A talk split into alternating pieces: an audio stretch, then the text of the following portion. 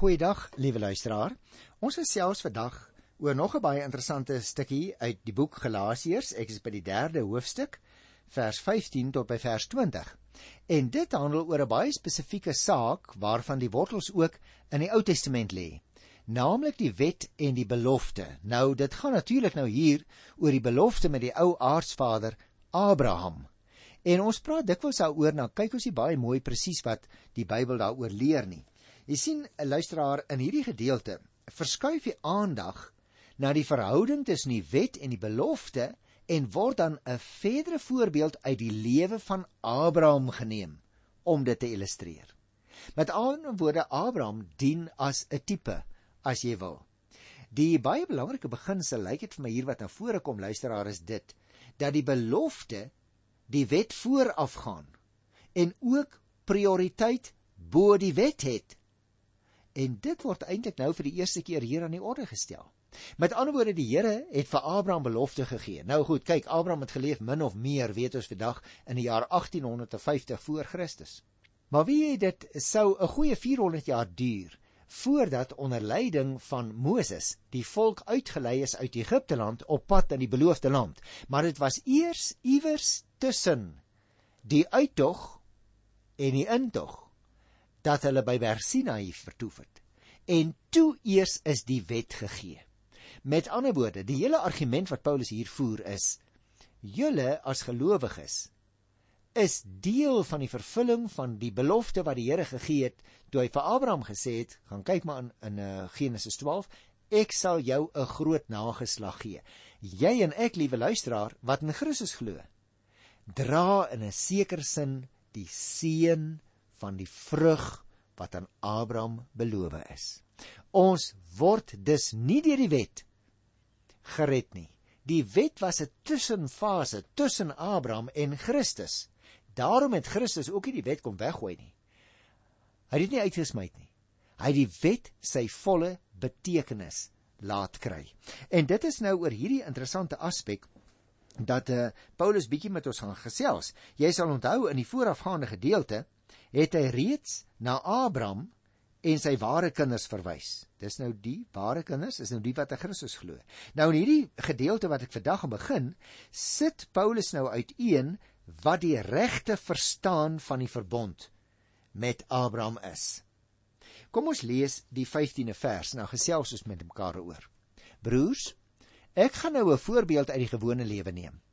As 'n testament wat maar net mensewerk is, eers geldig is, kan niemand dit ongeldig maak of iets daaraan toevoeg nie. Die apostel se toon teenoor die Galasiërs word nou so 'n bietjie vriendeliker, né? Want hy noem hulle nou weer 'n bietjie broers. Het jy opgemerk? Hy het nou vir 'n lang tyd eers het hy vir hulle selfs aangespreek sommer direk as Galasiërs. Dit klink baie meer uh, formele manier van aanspreek, miskien selfs 'n bietjie kwaier. Nou praat hy weer met hulle as broers hier in die 15de vers. En nou noem Paulus dan 'n voorbeeld uit die wat hy noem uit die gewone lewe. En hy sê dat 'n testament wat maar net mensewerk is, deur niemand ongeldig gemaak kan word as dit eers geldig is nie. Niemand kan ook iets daaraan toevoeg nie. Paulus beklemtoon hierdie punt ten opsigte van die vervulling van die wet en die vervulling van die belofte. Hy sê die wet is nie 'n latere of 'n onnodige toevoeging tot die belofte waardeur die belofte ongeldig geword het nie. En dit is baie belangrik. Ek dink ons moet 'n bietjie met mekaar in detail daaroor gesels. Ehm um, die voorbeeld wat uh, Paulus hier gebruik, naamlik die van 'n testament wat hy nou noem, dit is 'n voorbeeld na die mens. Dis natuurlik dieselfde uitdrukking wat ons al gekry het in die eerste hoofstuk by die 11de vers. En hy beskou dit as 'n doodgewone voorbeeld wat julle en ek, luisteraar en ek ook baie goed kan verstaan. Hy sê: As 'n testament eers een keer geskryf en bekragtig is, kan niemand dit verander nie. Niemand anders kan daaraan toevoeg nie. Jy kan natuurlik dit self jou testament gaan verander, maar iemand anders kan nie 'n toevoeging maak of iets daaruit gaan wegneem nie. Want dit kan natuurlik die wesenlike bedoeling van die testament wysig of dit selfs ongeldig maak. Nou is daar natuurlik luisteraars wil ek net volledig geself sê 'n verskil van mening oor watter regstelsel Paulus hier 'n gedagte gehad het. Die Joodse regstelsel of die Grieks-Romeinse regstelsel. Uitsluitsel hieroor beïnvloed egter glad nie die punt wat hy wil maak nie. Jy sien ons kan partykeer tog so met mekaar redeneer oor goed wat nie ter sake is nie. Dit gaan nie hier oor of die Joodse regstelsel of die Grieks-Romeinse regstelsel nie. Dit gaan oor 'n eenvoudige punt wat hy wil maak, naamlik die blywende en die onveranderlike aard van 'n regsgeldige testament of dit nou in die tyd van die Ou Testament of dit in die tyd van die Nuwe Testament, ja of dit in jou of in my tyd opgestel is. As die testament opgestel is, is hy geldig. Daar's eintlik net een wat hom wettig kan verander en dit is daardie persoon self. En daarom is dit natuurlik opvallend dat die woord wat hy hier vir testament gebruik in die Griekse vertaling van die Ou Testament dieselfde woord is wat in die Ou Testament gebruik word vir verbond. Nou daarom tussen hakies luisteraars praat ons ook in Afrikaanse taal van die Ou Testament en die Nuwe Testament. Maar daarmee word eintlik bedoel die ou verbond en die nuwe verbond.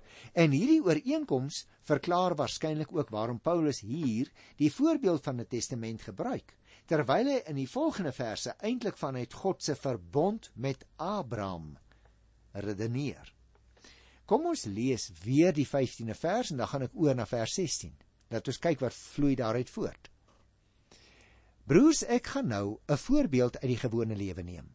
As 'n testament wat maar net mensewerk is, eers geldig is, kan niemand dit ongeldig maak of iets daaraan toevoeg nie. En nou vers 16. God het sy beloftes aan Abraham en aan sy nakommelinge gegee. Daar staan nie aan nakommelinge meer as een nie maar en aan jou nakomeling. Net een. En hierdie nakomeling is Christus. 'n baie interessante toepassing wat die apostel hier maak. Hy sê wie wat dit is waar die Here die groot nageslag gegee wat hy beloof het naamlik die Israeliete en nou verstaan ons dit vandag so as die Christus gelowiges Daarom sê hy, wie wat? Toe die Here vir Abraham 'n belofte gegee het, het hy eintlik Christus op die oog gehad.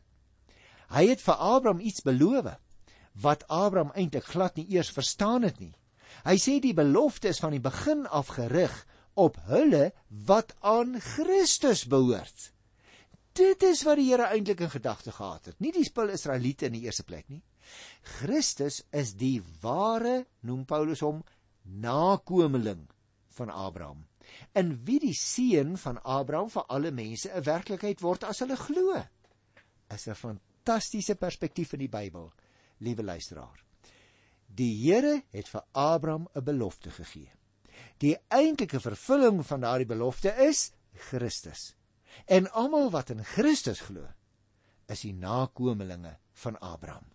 Daarom word ons soms in die Nuwe Testament genoem, liewe luisteraars, die nageslag van Abraham. Ons word ook genoem die nuwe Israel. Ek het al van tevore met jou gepraat, ek sal nog weer daarna terugkom, maar ek wil dit nou hier oorslaan, wil ek graag die perikoop in detail behandel.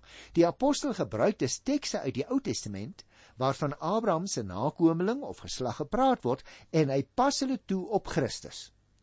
As jy sulke woorde wil lees, gaan kyk maar in Genesis 13 vers 15, 15 vers 18, 17 vers 8 en ook vers 22 hoofstuk 22 vers 18. Die apostel se eksegese of verklaring van nageslag lyk miskien vir jou vir my met die eerste oogopslag so 'n bietjie vreemd. Maar ons moet onthou die enkelvoud word dikwels gebruik. In baie tekste word met die nageslag Isak bedoel. In Isak sal al die volke van die aarde geseën word. Gaan kyk maar nou in eh, Genesis 22 vers 18.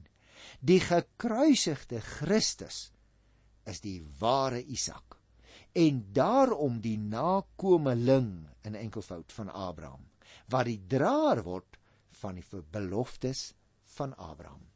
Christus is die een in wie die belofte aan Abraham sy hoogtepunt vind en daarom is Christus eintlik die draer van die beloftes wat aan Abraham gegee is. Nou ek wil nog so 'n bietjie oor hierdie 16de vers gesels want jy sien dit is belangrik voordat Paulus verder ingaan op die bindende en die blywende aard van God se beloftes vestig hy eers die aandag op die ontvangers van hierdie belofte. En hy doen dit op so 'n manier wat al baie teespraak en opspraak in die verlede vir uh, opgewek het, soos ek nou net vir jou verduidelik het. Daar's mense wat voel nee, dit kan nie so gebeur nie, maar ons volg die voorbeeld van Paulus se toepassing van daardie belofte, want hy is tog immers 'n geïnspireerde Bybelskrywer nie, nie waar nie. Taalkundig gesproke het ek probeer verduidelik is Paulus se siening wel moontlik omdat daar soms in die Ou Testamentiese tekste waarna verwys word na die enkeling verwys word en nie noodwendig in die meervoud gepraat word oor nakommelinge nie. Nou goed, liewe luisteraar, kom ons kyk dan na die 17de versie. Ek haal Paulus aan want dit klink amper of ek dit sê, maar ek haal hom nou woordelik aan in die volgende woorde. Hy sê: Hiermee wil ek dit sê. God het 'n verbond met Abraham gesluit en toe al geldig gemaak. Die wet wat eers 430 jaar later gekom het, kan nie hierdie verbond ongeldig maak nie, sodat God se belofte aan Abraham nie meer sou geld nie. So ek het vir jou verduidelik, daar lê so 400 plus jaar tussen Abraham en die uittog uiteindelik van uh, die nageslag van Abraham uit Egipte land. En nou sê hy, die feit dat God ook wette gegee het by Sinai in die woestyn, maak mos nou nie die belofte wat die Here aan Abraham gegee het ongeldig nie. En dit is belangrik dat uh, Paulus dit hier uitwys, want 'n mens kan baie maklik dink dat die apostel nou as dit ware die Ou Testament op so 'n manier wil gebruik dat dit nie meer geldig is vir die Nuwe Testamentiese gelowiges nie. En dit is presies die teenoorgestelde. Paulus beklemtoon dus hier in die 17de vers dat God sy beloftes nie eers geldig laat word het nadat hy die wet gegee het nie. En die mense bewys het dat hulle die wet onhou nie. Hy sê God se beloftes het destyds sonder die wet reeds gegeld. En so geld dit ook nou te meer. Aangesien die nakomeling let op, enkelvoud. Aangesien die nakomeling van Abraham die Here Jesus Christus gekom het. Dit is dus eintlik niks nuuts dat God se beloftes na Christus sonder die wet geldig is nie. Dit was reeds in Abraham se tyd so. En toe ons daardie gedeeltes uit die Bybel behandel het van Genesis 12 af sal jy onthou, het ek gesê nou kom ons eintlik eers by die historiese gedeeltes. Maar jy sal ook onthou, liewe luisteraar, dat die Here vir die Israeliete baie wette en reëls gegee het nog voor Sinai. En daardie reëls en wette het hulle gehandhaaf. Met ander woorde, Paulus se argument is wat by Sinai gebeur het, was nie iets wat die beloftes wat hy aan Abraham gegee het, nou skielik ongeldig sou maak nie. Per slot van sake, liewe luisteraar, God is mos getrou. Die Here het net gedoen in die geskiedenis wat hy beloof het aan Abraham. Hy het uiteindelik die een wat hy wat God is in gedagte gehad het, laat kom tot aan die kruis op Golgotha. Dit is dus eintlik hier in die 17de vers wat ons eers regtig by die kern van die saak uitkom, liewe broer en suster. As die testament van mense nie sy geldigheid kan verloor nie, of as niks daaraan toegevoeg kan word nie, hoeveel te meer die verbond van God. Hy maak dit self geldig. Die wet wat eers meer as 400 la jaar later daarna gekom het, het nie die verbond ongeldig gemaak nie. Mens kan dit sterker sê, die 430 jaar verwys hier na die tyd natuurlik tussen Abraham en Moses.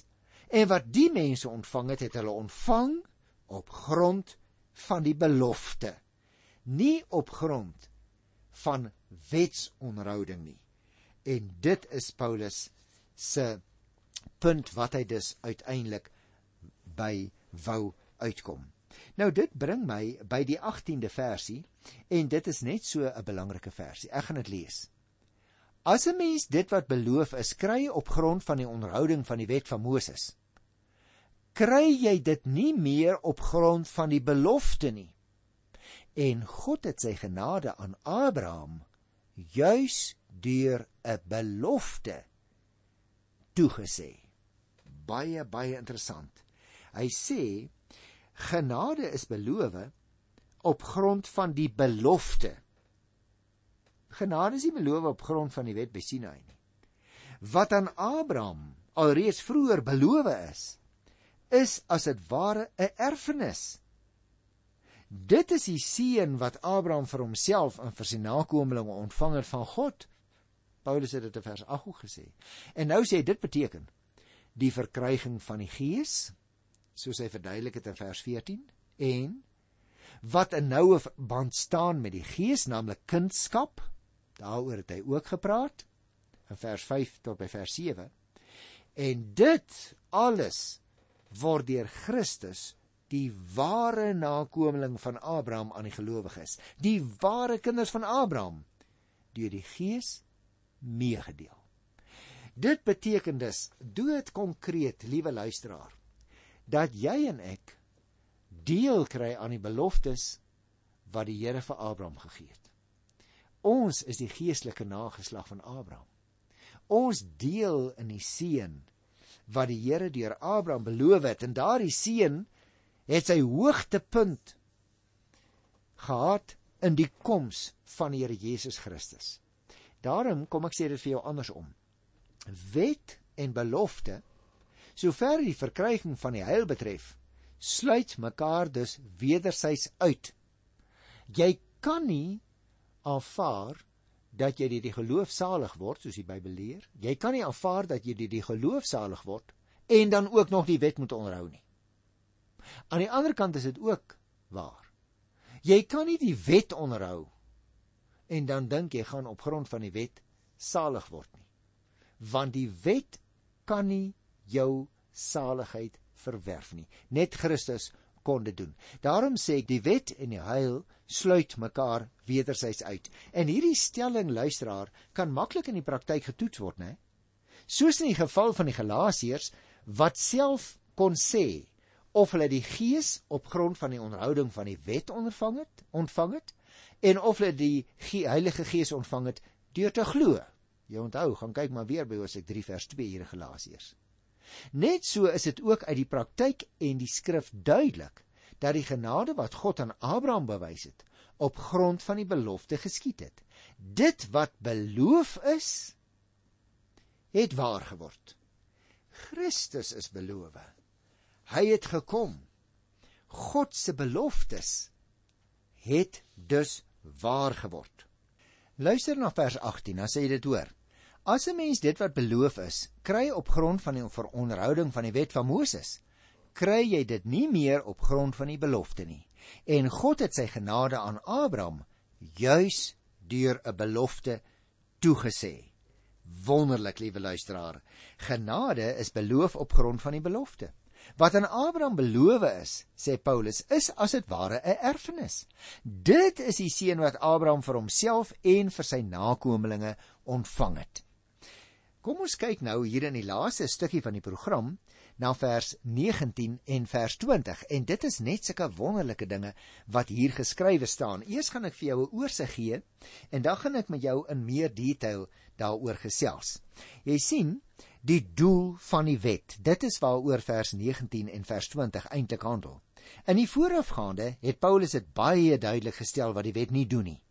En in hierdie twee verse gaan hy nou uiteensit watter doel die wet wel dien. Want jy sien anders kan ons nou dink ons kan die wet by die deur uitgooi. Dit sê die Bybel nêrens. Die wet moes as dit ware as 'n tussentydse maatreël vir die gelowiges dien totdat die Here Jesus gekom het. Dit kon die gelowiges natuurlik nie red nie. Maar moes as dit ware die gelowiges in bewaring vir die Here hou. Jy sien die tussenganger deur wie die wet gegee is, sien waarskynlik op Moses. Johannes het natuurlik later iets soortgelyks geskrywe in Johannes 1 vers 16. Ek gaan dit gou vir jou lees. God het die wet deur Moses gegee.